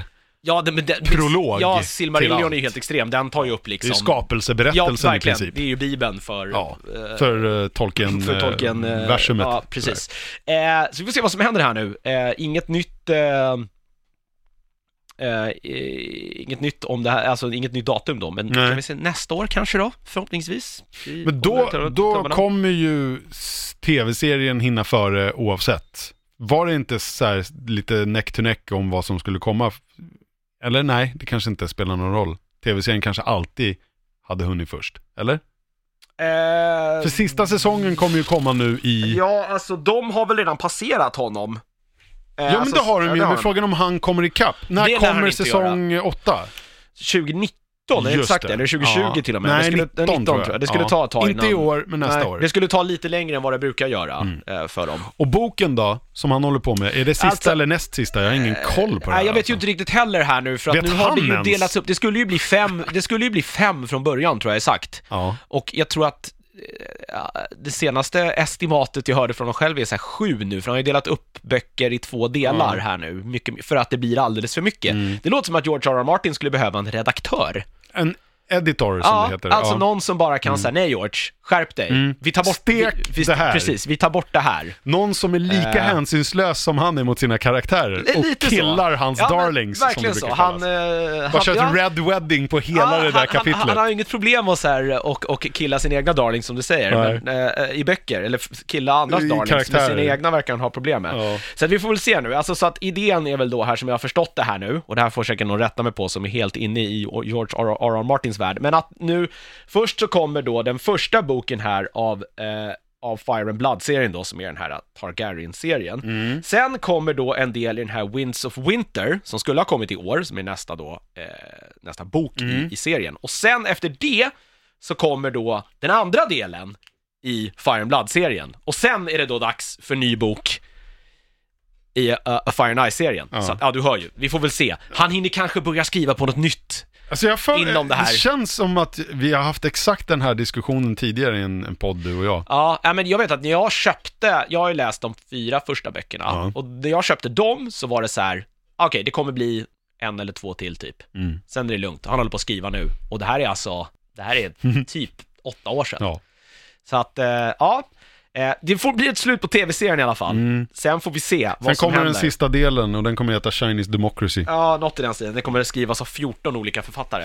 Eh, Nej, men... För eh, att George är död. Ja, vi får väl se, Förlåt alltså så här, George, att vi men, men hans död. eh, det är väl ingen omöjlighet att så här, någon plockar upp det här Fire and Blood Nej. och att det är väl en alldeles så här, utmärkt, eh, alldeles utmärkt bok och göra tv-serie på Ja, också. ja, ja. Men det har hela redan pratats om massa Game of. Thrones spin-offs Ja, det har väl pratats om så här bara så här berättelser från, typ han gjorde så här, stor, äh, berättelser från Midgård hette ju, Mm. eh, alltså en av Tolkiens böcker, att man gör något liknande med så här, En liten Ja. antologi, man så här, berättar andra historier från berättelser eh, från The Bravos. Seven Kingdoms, ja, ja precis. Alltså, Precis. Det, att det kom. Så det kommer, nog, det kommer ju garanterat i alla fall komma någonting mer eh, eh, relaterat. West, Westeros-relaterat. Ja, det kommer det att göra på något sätt. Mm. Och förmodligen på HBO också skulle jag gissa. Eh, Cool. Sen vad det blir, det får vi väl se. Ja. Ja, ja, vi håller tummarna för att George bara skriver på här nu och eh, att han slutar lägga sig i tv-serien, men det har han väl gjort nu också. För, för innan blev det ju försenat för att han hade fullt upp med att skriva avsnitt. Han har gjort, han har väl skrivit, jag vet inte om han har regisserat också, men han har skrivit åtminstone ett avsnitt tror jag till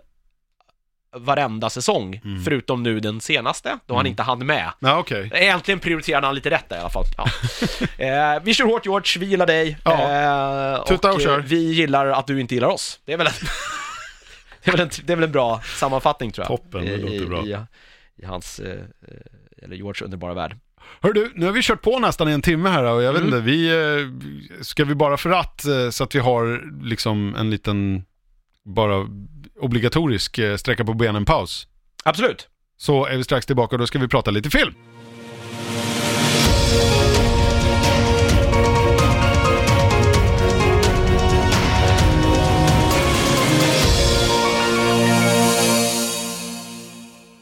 Film ska vi prata vi ska börja med eh, ja, Pixar återigen. Deras senaste giv som heter Coco. Ja, det var väl den här som var årets eh, så här Kalanka och hans vänner-film. Det kan det De kanske ha se en varit. trailer för den här för Ingen första aning gången, säger jag som inte Nej, men de tittat gör- på de- linjär tv på hundra år. Nej men de gör väl alltid så. Eh, Ja. I bästa fall så får man liksom den nya Pixar eller Disney-filmen, i sämsta fall så får man en trailer för så här Djungelboken 7. för att de vill kräng- kränga Någon DVD av de här direct to DVD-grejerna. de, de vill kränga DVD Ja. till så här trötta småbarnsföräldrar. Ja. Det här är Disney i alla fall, men det är Pixar, som Ja. sagt. Eh, Det finns ju en skillnad däremellan, men den har man ju egentligen ingen koll på. Det är animerat, det är eh, ehm, Oscars-nominerat. Men det är det ju alltid. Ja, i Alltså, två det, är- det är klasser. en smal kategori det där, Ja. det krävs inte så mycket. Har du gjort en tecknad film så är du nominerad, Precis. typ. Ja, men den är ju nominerad till bästa fullängdsanimation då, då och även till bästa originallåt. Eller något sånt där. Ja. Jag, vill, ja, jag vet inte om det kallas för det, men det är den så. Ja, Jo, musik. jag tror att det är så. Men det, pris, det priset kommer ju gå till Great Showman, annars eh, har jag ju lovat att säga upp mig från den här podden typ. Det är så Vi alltså? pratade om det förra, har du sett den? Nej, jag har inte hunnit se den musik. men jag kommer att se den. Ja. Eh, det skulle nog kunna gå vägen. Den kommer nog inte klås av den här i alla fall, för det kan jag ju säga som första grej. Uh, även fast den här filmen handlar om en kille som älskar musik, så tycker jag att musiken är, det är bra sådär, men den är lite för anonymt för min smak. Mm. Speciellt med tanke på vad jag har i, i liksom bagaget sen tidigare ifrån Walt Disney Studios, uh, Oscars belönade eh, Det Moana, alltid- eller det- Vaiana som Ja, den, den, hette. den hade fantastisk musik. Jättebra jag musik. musiken i den. Mm, det var så Eh, förbannat bra. ja. Det är bra här också, men det är så här... Nja, det är, inte riktigt, där. lika så här översköljd av awesomeness som jag var efter Okej, Moana, men- där, där varenda låtnummer var så bra. Ja. Och, och Frozen innan det, några år Verkligen, tidigare. men ligger den här också lite liksom, alltså den följer någonstans estetiken i filmen, för Moana var ju väldigt mycket så här, det var så här polynes, alltså körer och det var eh, rytmiskt och det här utspelar sig någonstans i så här Mexiko. I Mexiko, Och är det också lite eh, Dia sån- de Muertos, Ja. precis. Jo men det är absolut, ja. finns det ju ett mexikanskt latinoarv, eh, mariachi. Mariachi, ja. Absolut. Plotten lite så här enkelt och, och, och hastigt. Vi följer då en kille som heter Miguel, ehm, som då, eh, Rivera, som eh, tillhör en familj som har ett förflutet eh, som kort och gott gör att eh, musik är frowned upon och i princip förbjudet i, i familjen.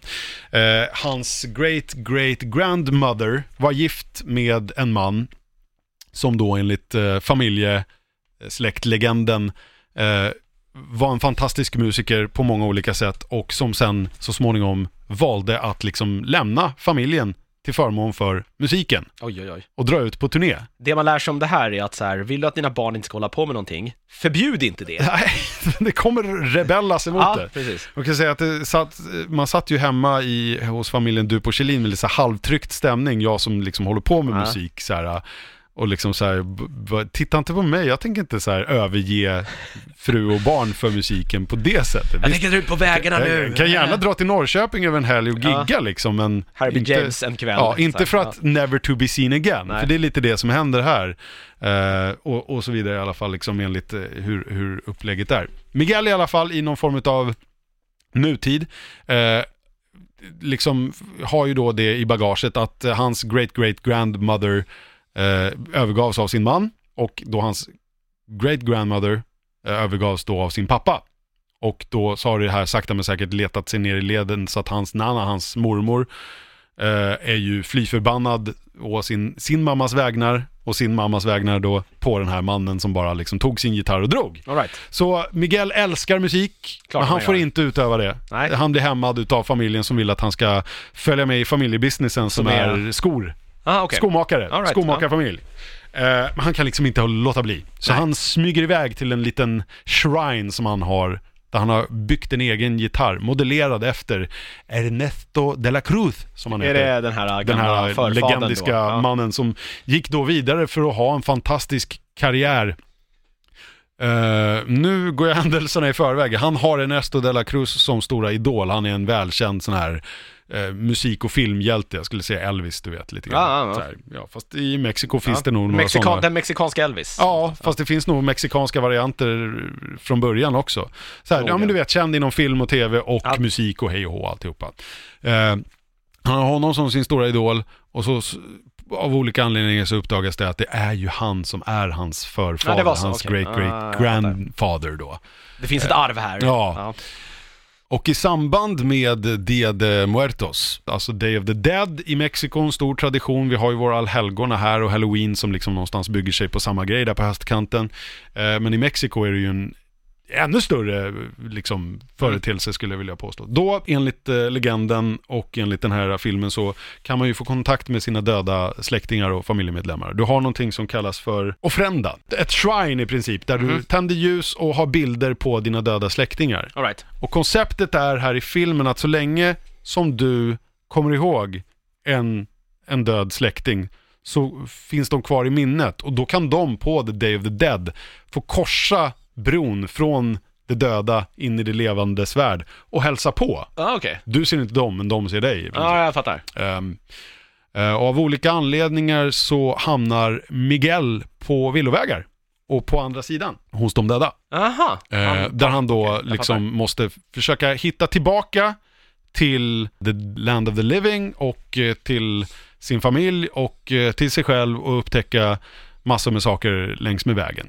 Eh, jag vill inte gå in för mycket på detaljer för att de här filmerna nu på senare år, de här eh, Disney Pixar-rullarna har ju gått ifrån lite grann den här eh, liksom arketypiska skurken till det som väl någon nördigt lyssnare så fint belyste som the third act plot twist.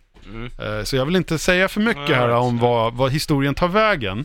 Men eh, vad man kan säga om filmen som sådan är att Ja, som sagt, den handlar om en kille som älskar musik. Det finns musiknummer i, det är fantastiskt framfört, absolut. Men jag är inte riktigt så här, oh, så här, lika gripen som jag var som sagt av kanske Frozen-numren och, och Moana. Ja. Eh, däremot så är det en otroligt fin film som handlar om eh, liksom familj om släkt legacy, eller vad man ska kalla det, om liksom tillhörighet och, och vem man är i världen och lite sådana saker. Och framförallt så handlar den ju om döden.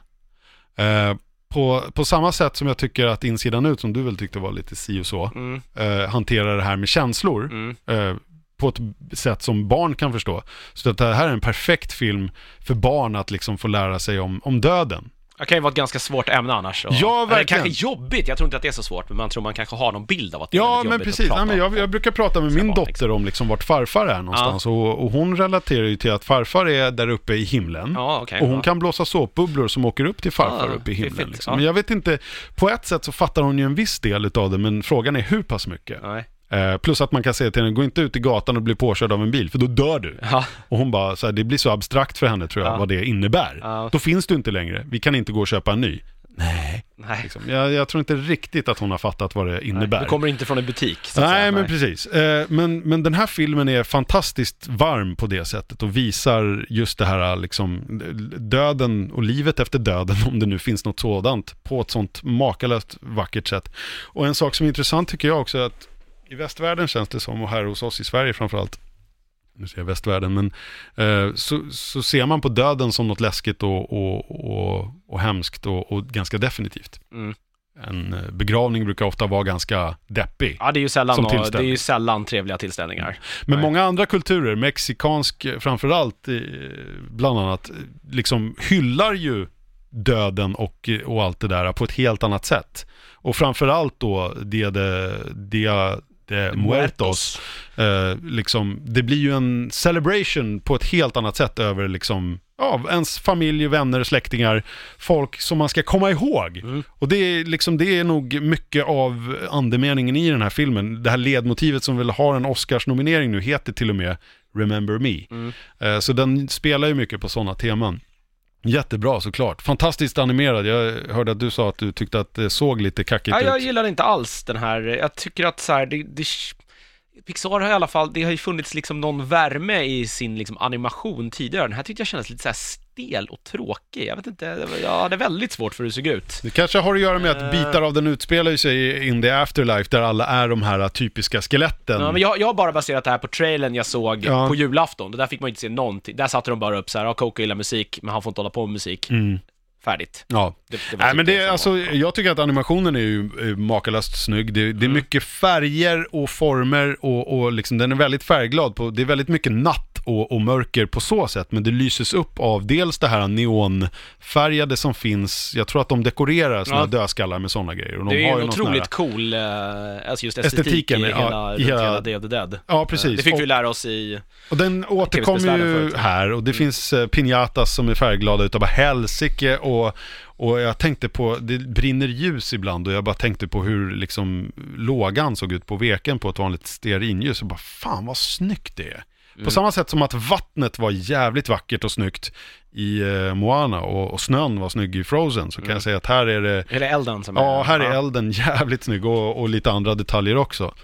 Ehm, men den, den är jävligt snygg och den är jävligt färgglad och den är väldigt, eh, ehm, ja den är väldigt bra faktiskt. Och Mm. varm och fin på många olika sätt. Sen tror jag också att eh, om man har en, eh, en bakgrund ifrån, ifrån eh, Latinamerika och Mexiko framförallt så lär man nog hitta jättemycket annat och man får ju lära sig väldigt mycket om deras kultur. Mm, Saker, nu kommer inte jag ihåg vad det här hette, det här altargrejen. right. Bara för att jag fick hjärnsläpp nu. Men det är ju många sådana saker som är jävligt coolt att få lära sig om. Och de har sina sorts här, spirit animals och grejer. Och det är väldigt eh, kul att få berika sig med vad, vad, vad, vad som finns inom mexikansk kultur överlag.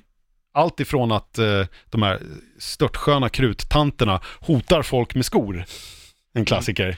Hon är väl, är hon eh, mormor där är lite så här, Ja. hon är matriarken i... eh, Jajamän, ja. absolut. Eh, till, till, till de här liksom olika traditionella begreppen och sakerna. Allt ifrån sådana här, det kallas för någonting också när de gör de här skriken i musiken. Ah, Sådana right, där ja.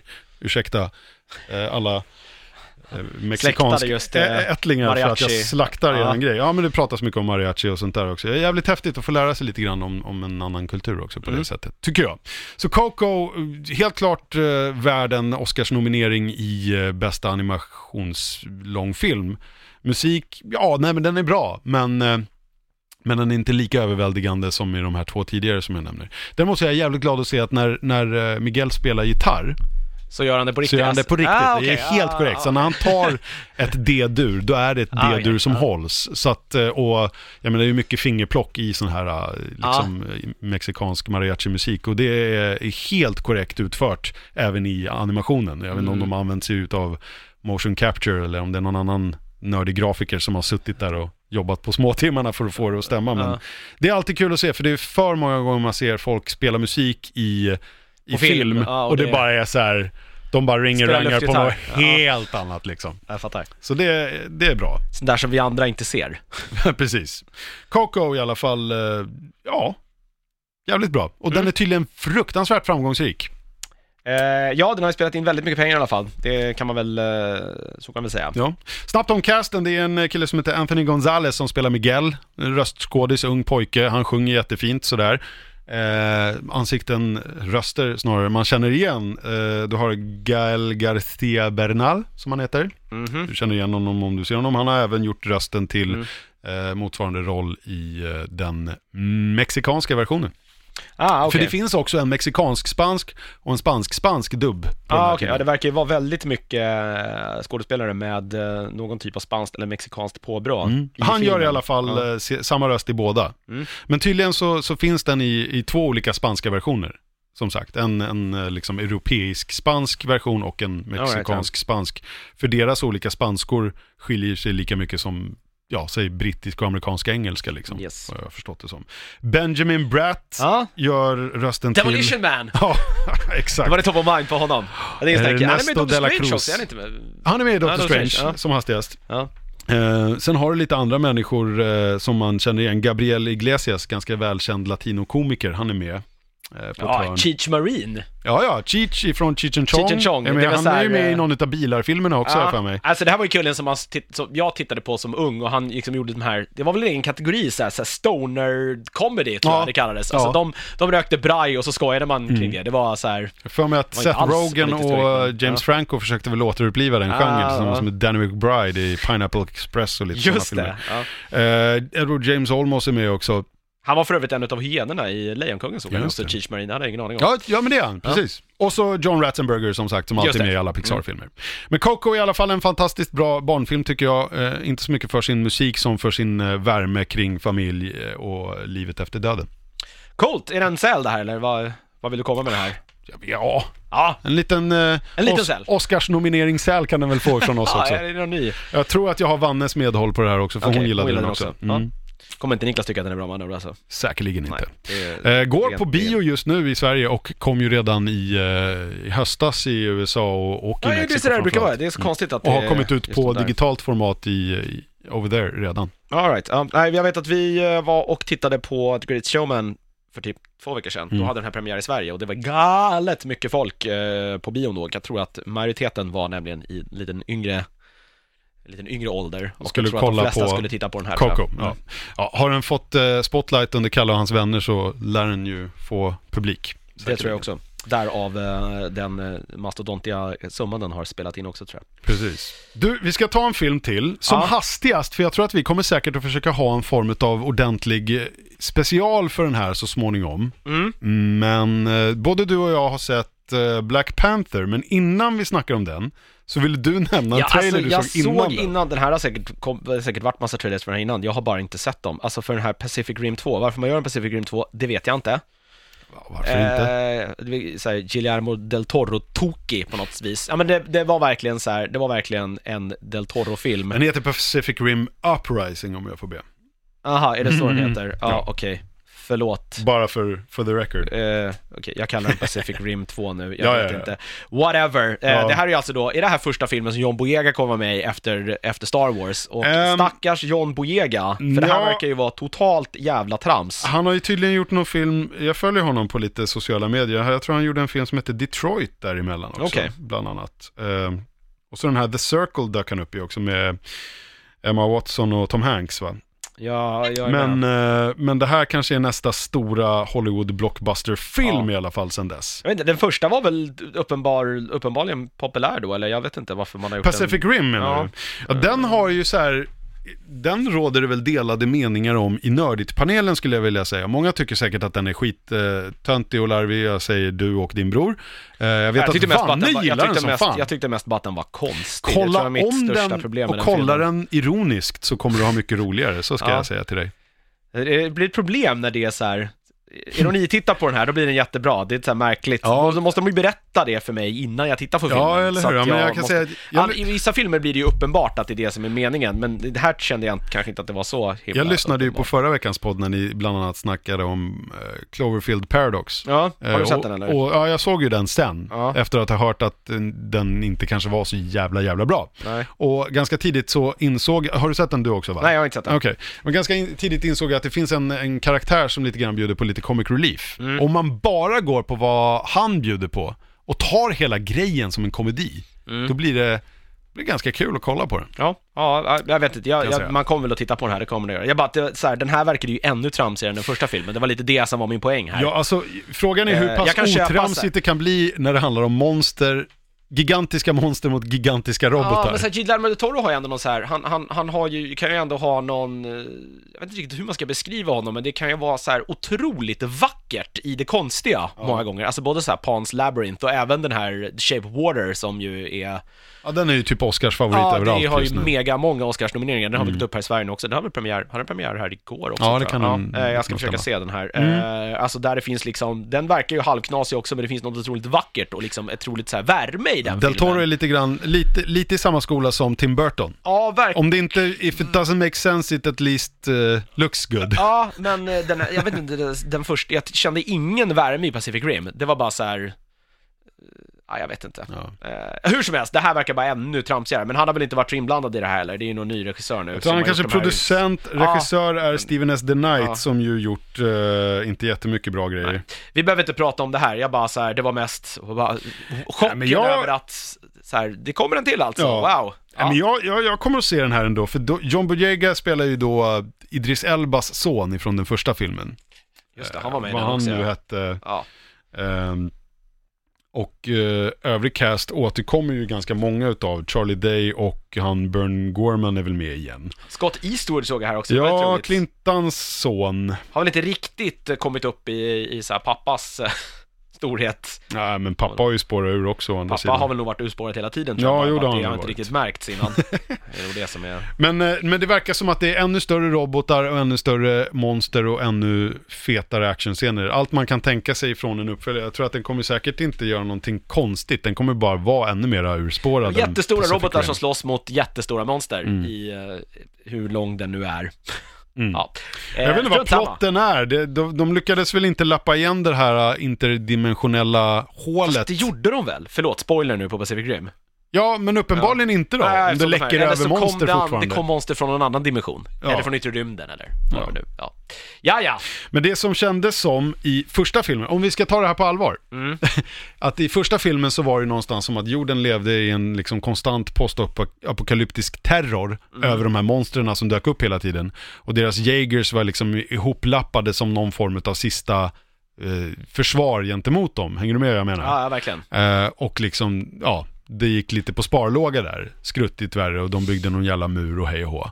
Så, eh, så känns det som att i den här filmen så är allt lite mer färgglatt och lite mer up to date och att eh, de har kontroll på dem, du förstår vad jag menar. Ja, verkligen. att deras Jaegers är liksom välputsade och liksom har shiny vindrutor. Och liksom, de är inte så, de går inte, de lever inte under totalt dödshot hela tiden. Nej. I, till en början, sen kommer det finnas någon plot twist som gör att det blir någon form av problem såklart. Men det känns i trailern att döma som att de har lite grann, att robotar fightas mot de här monstren, det är lite vardagsmat för dem nu för tiden. Ja. På ett helt annat sätt och lite mera avslappnat, fick jag känslan av. Ja, alltså... Så om den kunde göra det så tar den sig själv ännu mindre på allvar, Ja, det kanske den är här det är grejen. uppföljaren. Ja, för Del Toro hade ju ändå någon, eh, alltså han hade ju en ganska så här, klar inspiration, det känns det som när han gjorde den första filmen, att det var de här så här Kaiju-monster. Ja, alltså precis Godzilla. Godzilla, jag tänker så här, Attack on Titan fast tvärt, alltså Ja. de här stora monster som är, och det finns liksom inget hopp och det är väldigt, ja. allt är väldigt, eh, det har gjorts massa sådana filmer liksom genom åren. Här känns det bara som att nu ska vi kapitalisera, jag vet inte om det ens på någon typ av framgång, Mm. eh, om den nu hade en framgång, men det hade den väl, annars hade det väl inte kommit en tvåa Mm. tänker jag. Eh, Ja, jag tyckte väl bara att Charlie Hunnam var så jävla färglös i den och jag, jag har ju aldrig känt någon passion gentemot honom. Jag har ju aldrig följt uh, Sons of Anarchy så det kanske har med det att göra. Nej, Då han- tycker jag mer om John Boyega så att jag ser Ja, hellre ja, en. Pacific-film med honom i Ja, huvudrollen. i så fall kanske. Han är ju lite, han är lite platt och tråkig. Ja. Eh, han, men jag, jag tyckte inte han var superbra i uh, Guy Ritchies senaste eh, Ja, Art, sa, saga, Arthur. Sagan om ringen-film, eller på att säga. Jag sa, Kung svär- Arthur. Svärdet i stenen-film. Nej, eh, även om den filmen var väldigt Guy Ritchie och jag gillar Guy Ritchie. Alltså Mm. just, han, han har ju ett väldigt speciell stil eh, hur han berättar. Mm. Som han har liksom, ja, det känner man igen både från Lockstock och Snatch och de här när han Ja. var riktigt, riktigt, riktigt bra. Eh, han är ju typiskt en så här, han är ju en regissör som inte ska ha så mycket budget tror jag. För då blir det bara trams. Ja, han, måste, han måste, när han liksom måste tänka till om hur han ska göra saker och ting så blir det nog bättre tror jag. Precis. Istället för att han får göra precis som han tänkte från början. Men får jag fråga dig så här då, vad det gäller eh, monster, gigantiska monsterrullar, ser du, Alltså, jag- om du måste välja mellan Pacific Rim Uprising, som kommer här nu i mars, Ja. och den här, eh, vad heter den, Rampage med The Rock som kommer, som bygger på det här spelet, du Ah. vet när man bara ska vara en gigantisk apa Man är, som har man är en gorilla, ett, eh, en, Ja. en varg och en, eh, Den en verkar inte krokodil ta eller sig själv på allvar Nej, alls. och det, det, det kan jag mer uppskatta Eller den tar kanske. sig själv ja, på allvar Eller snarare. gör den det? Jag vet inte. Ja. Eh, alltså, jag gillar ju The Rock, så Ja. jag, jag väljer nog hellre den tror jag. Ja, det är så. Eh, det är ju en så dålig idé från början, alltså det är en, dål, en riktigt dålig idé från början. Ja, det är inte filmen Nej. baserat på ett spel som kommer få spelvärldens Nej, det, är ni, det är ju ingen som vet vad det här är för spel ens. Alltså Rampage var Ja, ju... kommer du ihåg Rampage? Jo, jo, men jag tänker, är du, är du, in, är du född liksom på 90-talet så har du nog all, har du ingen Nej, som nej. helst referenspunkt till Rampage överhuvudtaget tror jag. Sant, sant. Om du är född 90 och efter. Jag menar, Ja. när spelar man det där? Jag spelade det där på Sega Mega Drive. Mm. Jag tror jag spelade i någon arkadhall Ja, ja, till det var ju ett, ett klassiskt, femmor ja, liksom. klassiskt arkadspel. Eh, man spelade med någon annan och skulle riva byggnader. Jag vet inte man, man skulle bara hinna först på något Eh, vänster. Ja. Eh, Pacific Rim gjorde ju rätt mycket stålar, så att det är väl därför det kommer en tvåa. Jag vet inte, alltså, Mm. na, ja, ja. Pacific Rim Det kommer säkert Uprising kommer i alla fall Ja, det det. eh, 23 mars. Det var inte den vi skulle prata om. Nej, det Nej. var trailern som du såg innan du såg. Eh, Black Panther. Ja, exakt. Och som sagt, vi kommer väl inte att spoila den nu. Nej. Vi kommer att göra en specialare som det lutar åt, för det verkar vara fler i panelen som vill prata om det. Plus att eh, jag tror att vi tittar på möjlighet att se till att det blir en panel som inte bara består av massa white people, Nej, som vi ju vilket är. ju kan vara vettigt kanske. Ehm, ja.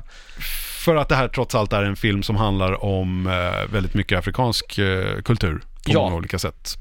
Och eh, även kanske eh, just eh, eh, människor med afrikanskt ursprungs Ja. eh, eh, plats i världen idag. Precis! Vilket ju är intressant på många sätt. Och vi kan prata om det till viss grad, men jag tror att det kan vara intressant att ha en person med rätt perspektiv också, Ja. som faktiskt kan se och säga bra mycket mer än vad vi skulle kunna sätta oss in i.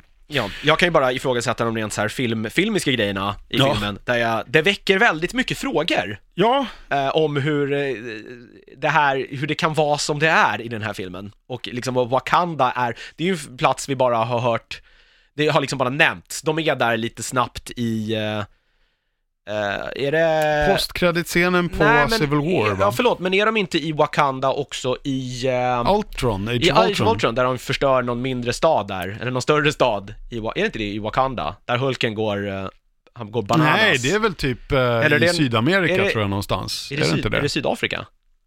Ja, det är de inte i det något är. afrikanskt land? Jag för fick för mig att de är i Wakanda där, jag har inte sett om den filmen. Men, Det ja. finns ju en scen i Age of Ultron där Ultron då hugger armen utav, eh, spoiler för Age of Ultron här, av eh, Andy Serkis. Andy Serkis karaktär Ulysses Claw. Ja. ehm, när de håller på och dealar och wheelar med just eh, eh, Vibranium, Vibranium, som den här Mm. übermetallen eh, heter. Eh, då är de ju i någon sån här typ strandad eh, rostig sjöskorv Mm. som ligger Är någonstans. inte det i Wakanda? Jag kanske har fel. Ja, nej, det tror jag absolut inte. Okej. För att Wakanda har ju inga kuster till att börja med. Det Nej, ligger så- mitt smäck i Afrika Jo men det här är jämt. ju i någon gammal så här, urtorkad flodbädd, tänker jag, så att den har legat där väldigt länge. Det har varit en flod där en gång i tiden. Det var, så, det var så den bilden jag fick. Skitsamma! Det är Ja, vi bara att kan säkert ta reda på det. bara men- här, Wakanda är ju verkligen en plats som bara har omnämnts liksom som platsen där eh, Mm. Vibranium kommer ifrån. Jag tror att den kan ha nämnts som någon form av point of interest också på någon skärm någonstans i Tony Starks Ja. ögonvrå Ja, eventuellt Eh, också. Och Black Panther som karaktär dök ju upp i Captain America Civil War. Just det. Ehm, och då uppmålas ju Wakanda som... Det är ju ett u-land. Ja, ett u-land i. Afrika som, som, ja, som omvärlden verkar tro i alla fall. Hans, eh, nu spoiler du för Civil War också, hans pappa där, T'Chaka, eh, omkom ju i en explosion där hos eh, Det United säger- det är Nations. fint att säger omkommer. Mördad, Ja, han blir mördad utav vad, Rimligare. vad eh, T'Challa tror är eh, Bucky, the Winter Soldier. Just Det är det. hela upplägget Ja. med hela Civil War i princip, är ju det här missförståndet där. Men det är ju inte Bucky, det... är ju en gammal nazist. Ja, Ja, Daniel Brühl. är brul är det. Eh, och eh, i slutet på Civil War så får vi ju se lite glimtar av Wakanda i alla fall, för det är ju där Bucky hamnar utan arm. Just det, han blir väl... Eh, han har väl någon sån här kryo... Är det inte så? Mm, ja, men lite så. ja. Eh, Det refereras ju till det också, ja, ja, sen, i den här filmen. Absolut. Till just Bucky. Men det tas eh, vid i princip där. Det blir lite flashbacks till den här ex- explosionen. Det här är ju i princip, eh, den tar ju avstamp i vakvattnet av att eh, kung T'Chaka är död, länge lever kung T'Challa. Ja. Eller? Ja. För eh, hela deras samhälle får vi ju veta är uppbyggt på liksom ett antal olika stammar. Ja. Och så är det han kommer där med rätt till tronen, men vem som helst får utmana tronen så att Ja. säga. I hand-to-hand combat. Ehm, Det känns som ett, eh, ett, eh, ett statsskick som de bör ha sett över lite långt tidigare känner jag. Någon borde bara ha slagits av tanken att så här, hörni, det här kanske inte är en så bra idé. Ja. För det kan sluta ganska illa. Vilket eh, det ju kanske också gör. Ja. Spoiler, spoiler. Men utan att få spoila för mycket då, så kan vi säga att eh, där tar det vid och sen får vi lite grann lära känna eh, T'Challa och hans eh, liksom Hans värld, crew, typ. hans crew, Ja. hans liksom tillvaro och var han kommer ifrån mycket mer. Så på så sätt är det ju lite grann utav en origin story, men lite annorlunda berättad då, med Ja. tanke på att det inte är en person som bara kommer från ingenstans blir biten av något eller Nej. hamnar någonstans. Utan här är det ju, finns det ju en, en anrik liksom eh, processen Ja, tidigare det finns med de här han, Black Panthers. precis, att han är en Black Panther är, Mm. ju, eh, är ju ingen, alltså det är ingen, hemlighet för Wakandierna så att Nej, säga. precis. Eh, utan mer för resten utav världen och man får då reda på hur exakt hur han får sina krafter, vilket är lite intressant också kan jag Mm. tycka, men det är väl för en senare diskussion. Jag tycker ändå att den lider lite av något sånt här problem som, alltså just att så här, setupen för att berätta vad Wakanda är och hela grejen med Black Panthers, har filmen hållit på rätt länge. Så att Ja, du menar att det tar lång Ja, tid del- för den del- att liksom sätta grundpremissen Ja, del- innan den tar fart? del två blir, känns möjligen kanske lite forcerad tycker jag, Mm, okej. på grund av detta. Eh, inget jättestort problem för att så här, hur fan ska de, alltså men någonstans måste det här berättas. Mm. Eh, och att det berättas också, eh, tack, det tack och på grund av hur postkreditscenerna är uppbyggda så sätter det här ju upp väldigt, väldigt, som, ah, det här känns som jag har om, sagt om alla de senaste Marvel-filmerna, men att de verkligen nu sätter upp för Infinity Wars. Ja. Eh, det är ba, det är mycket det det handlar om tror jag. Ja, och i trailers till Infinity War har vi ju fått se att mycket saker ha- handlar ju om och, och utspelar sig i och kring Wakanda. Mm. Ehm, utan att säga för mycket om det också, men vi kan ju bara spekulera där. Nej, jag blir, jag, som inte någonstans en Marvel-konnässör, alltså som du och Malin som, som har koll på film, alltså på serietidningarna och någonstans kanske har vetat om mycket av det här, så blev det ju det här en, en jättestor överraskning ändå. Ja, nej men alltså jag måste säga Om he, ändå hela den här filmen och... eh, Ja, eh, att Black Panther är jag ändå ganska dåligt påläst om. Jag har ju såklart koll på honom och Wakanda, men bara mest genom interaktion med andra Mm. eh, hjältar. Så jag har ju koll på upplägget och premissen sådär. Men däremot så har jag ju ganska lite koll på liksom hans eh, supportcast om man säger Mm. så. Så det var kul att, att få läsa på om det och det finns ju Framförallt så är det ju jävligt många starka kvinnliga karaktärer i supportcasten här. Allt Ja. ifrån hans syster till hans love interest till hans eh, personal bodyguard höll jag på att säga. är så det där, förlåt, men jag, det var det första jag tänkte, det kanske är, jag är kanske helt ute och cyklar, men är det här också, jag vet inte hur de är i serietidningarna hans, den här, det här, så här kungliga gardet? Jo, exakt eh, Men det är, så, så. det, är det en lite så här subtil hyllning till så här Star Wars? Eller har Star Wars snott det här? Jag tänker på alltså kejsarens garde i så här vilka färger man använder och vad de har för Jaha. vapen och det var verkligen så här. Det kändes väldigt... eh, Båda är ju fiktiva. Ja, ja, men jag tänker att de har, att den ena har sneglat på den andra eller är det bara en olycklig, eh, eller en lycklig de här jag. starka röda färgerna, Ja. de står i spjut, så här, de säger inte så mycket. Fast det finns väl starka röda färger i många andra militäriska, riktiga uniformer Ja, ja, och spjut verkligen. likaså i, Jag- jag bara i så såna här- honor guard-positioner tänker ja, jag, jag bara eller? så här, det var väldigt så här, wow, det här, var, det här kände jag igen. Så jag tänkte om de hade, om, om de hade tagit sig friheter i filmen eller om Ja. det faktiskt är så i serietidningen också, med Ja. färgerna och det. Jag, jag vet inte. Men utan att prata för mycket plott vidare så måste jag bara säga att jag tycker att det är en fantastiskt välgjord film. Den har hittat sin egen röst i Marvels cinematiska universum och det är ju säkerligen mycket tack vare bra handplockad regissör. Det är ju Ryan Coogler som gjorde Creed tidigare. Mm, Just det, därav Michael B Jordan också Ja, kanske. han verkar ha varit med i typ varenda Ja. Coogler-film. Det är roligt också, har han, förlåt, men har han tagit det här bet bara för att inte förknippas med en viss annan känd Michael Jordan som det kanske är lite svårt att, eh, att konkurrera mot? Var inte det på- ungefär samma grej med eh, ehm, Michael J. Fox? För att det fanns en Michael Fox tydligen. Ja, okej. Nej, jag har fattat det som att det handlar om att han har eh, en, eh, en pappa som heter Michael A. Jordan. Ja, okej, då blir det fan Michael, är det så? ja, typ. Vad roligt, det är ju jätteroligt ju om det är Ja. så. Ehm, han, är, han är fantastiskt bra tycker jag också som eh, antagonist, ska vi säga så? Ehm, Eh, ja, ja, verkligen. Fattar Casten ganska överlag är ju tidigt. fantastiskt bra och, och i princip snudd på, förutom typ två karaktärer, är all black. Om jag, Jag får använda någon- det ordet. jag- För det är ju liksom, det är ju förutom Martin Freeman, ja, förutom Gollum och, och Bilbo, Ja, Circus och, och Freeman, så är det ju bara afroamerikaner eller a, a, a, folk med afrikanskt ursprung. Det Ja, är Chadwick Boseman då återigen som T'Challa, Black Panther, det är Michael B. Jordan, sen har du Lupita Nyong'o och eh, vad heter hon? Danai Guira heter hon va? Som är väl eh, Walking Dead, hon är Ja, Michonne. Michonne ja, precis. Eh, liknande karaktär här. ja, alltså hon, måste ju ha... hon, är, nin- hon är ninja, hon har buffat upp sig här. Hon har fått med sig väldigt mycket koreografi gratis, Ja, det tror jag, men hon har nog, jag känns som att hon har spenderat några timmar på gymmet inför Ja, den här rollen, för hon känns bra mycket större i, i den här filmen. Sen Alltså, har han- hon, har, det, hon är biffig. Ja, verkligen. Eh, Daniel Kaluuya heter han va? Kaluuya från eh, Get Out var med där. Och eh, Letita Wright. Just det, det är han som är hans kompis där va, från Ja. den här... eh, Sen har Forrest Whitaker och Angela Bassett också, fantastiskt. Ja, eh, coola uh, Forrest Whitaker i. Där är en liten tips också om man har sett Black Panther och vill ladda för den. Eh, mitt, eh, min favorit YouTube-kanal, en av mina som jag kollar väldigt eh, intensivt på, det är Man at Arms Reforged. Det är så här ett gäng smeder som gör allt möjligt vapenaktigt, mycket Ja. hämtat från så här tv-spelsvärlden och populärkulturen. Ja, coolt. De har i sitt senaste avsnitt gjort eh, Forrest Whitakers, den här Suri, han är någon präst, han Ja. har, som har ett spjut, där de Ja. har gjort en kopia på det spjutet. Ja, coolt. Jäkligt coolt. Ja, en till eh, White Guy dyker ju upp i en cameo också, kan vi ju spoila. Vem tänker du på nu? Stanley. Jaha, ja, ja, ja. ja. men jag läste någon just om, om, eh, om Martin Freeman och Andy Serkis, att de är, så här, de är the Tolkien white dudes. Ja, just det. Tolkien. Ja, Tolkien. Tolkien, Tolkien white dudes. Ah. Men en jävligt cool detalj, eh, och jag kom att tänka på en helt annan film då när jag upptäckte det. Det är ju att eh, T'Chaka, han som är då T'Challas pappa, Mm. eh, spelas av en kille som heter John Canny. Eh, i, i, han var ju då redan med i Civil War när han ju då, spoiler, dör i den här bombningen. Ja. Det är hans son, eh, jag kommer inte ihåg vad han heter nu, som spelar samma roll fast i flashbacks. En ung T'Chaka. Ah, Det jag tycker det är kul och Ah, uppfriskande coolt. för att i alla de här MCU-filmerna hittills har vi fått se en, liksom, en föryngrad Michael Douglas i Ant-Man. Du har fått se en ung Tony Stark Downey Jr. Du vet när de liksom digitalt föryngrar deras ansikten. Mm. Och vi har fått se en, eh, en gammal sminkad Peggy Carter liksom. Mm. Men här har man istället liksom använt en skådis och hans son.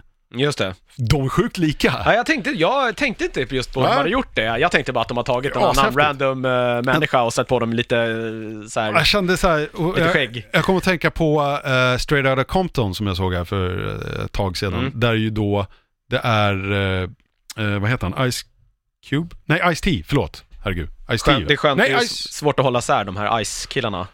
Ja, gud. Nej, Ice Cube måste vara, Ice T är väl... Nej, det är inte Ice... Shit.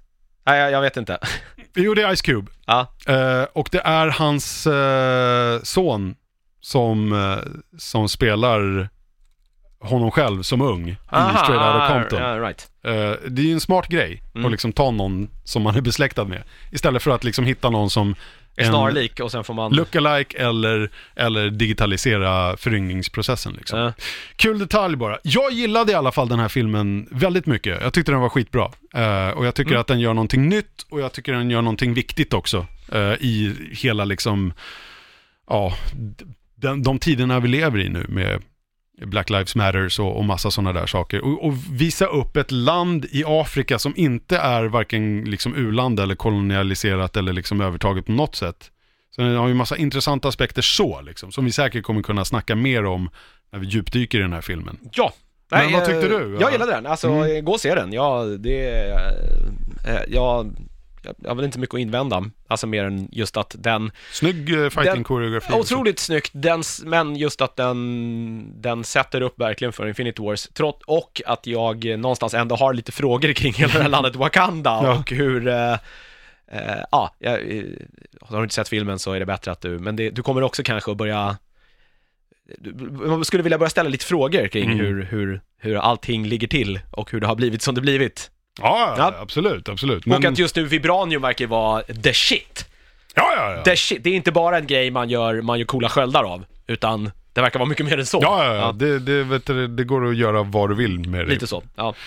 Som Unobtainium eller Mac- MacGuffinum. McGuffinum, ja det är Wibbly Wobblium, Ja, borde precis. det kanske heta. Ja. Plot, eh, plot convenientinum. Ja.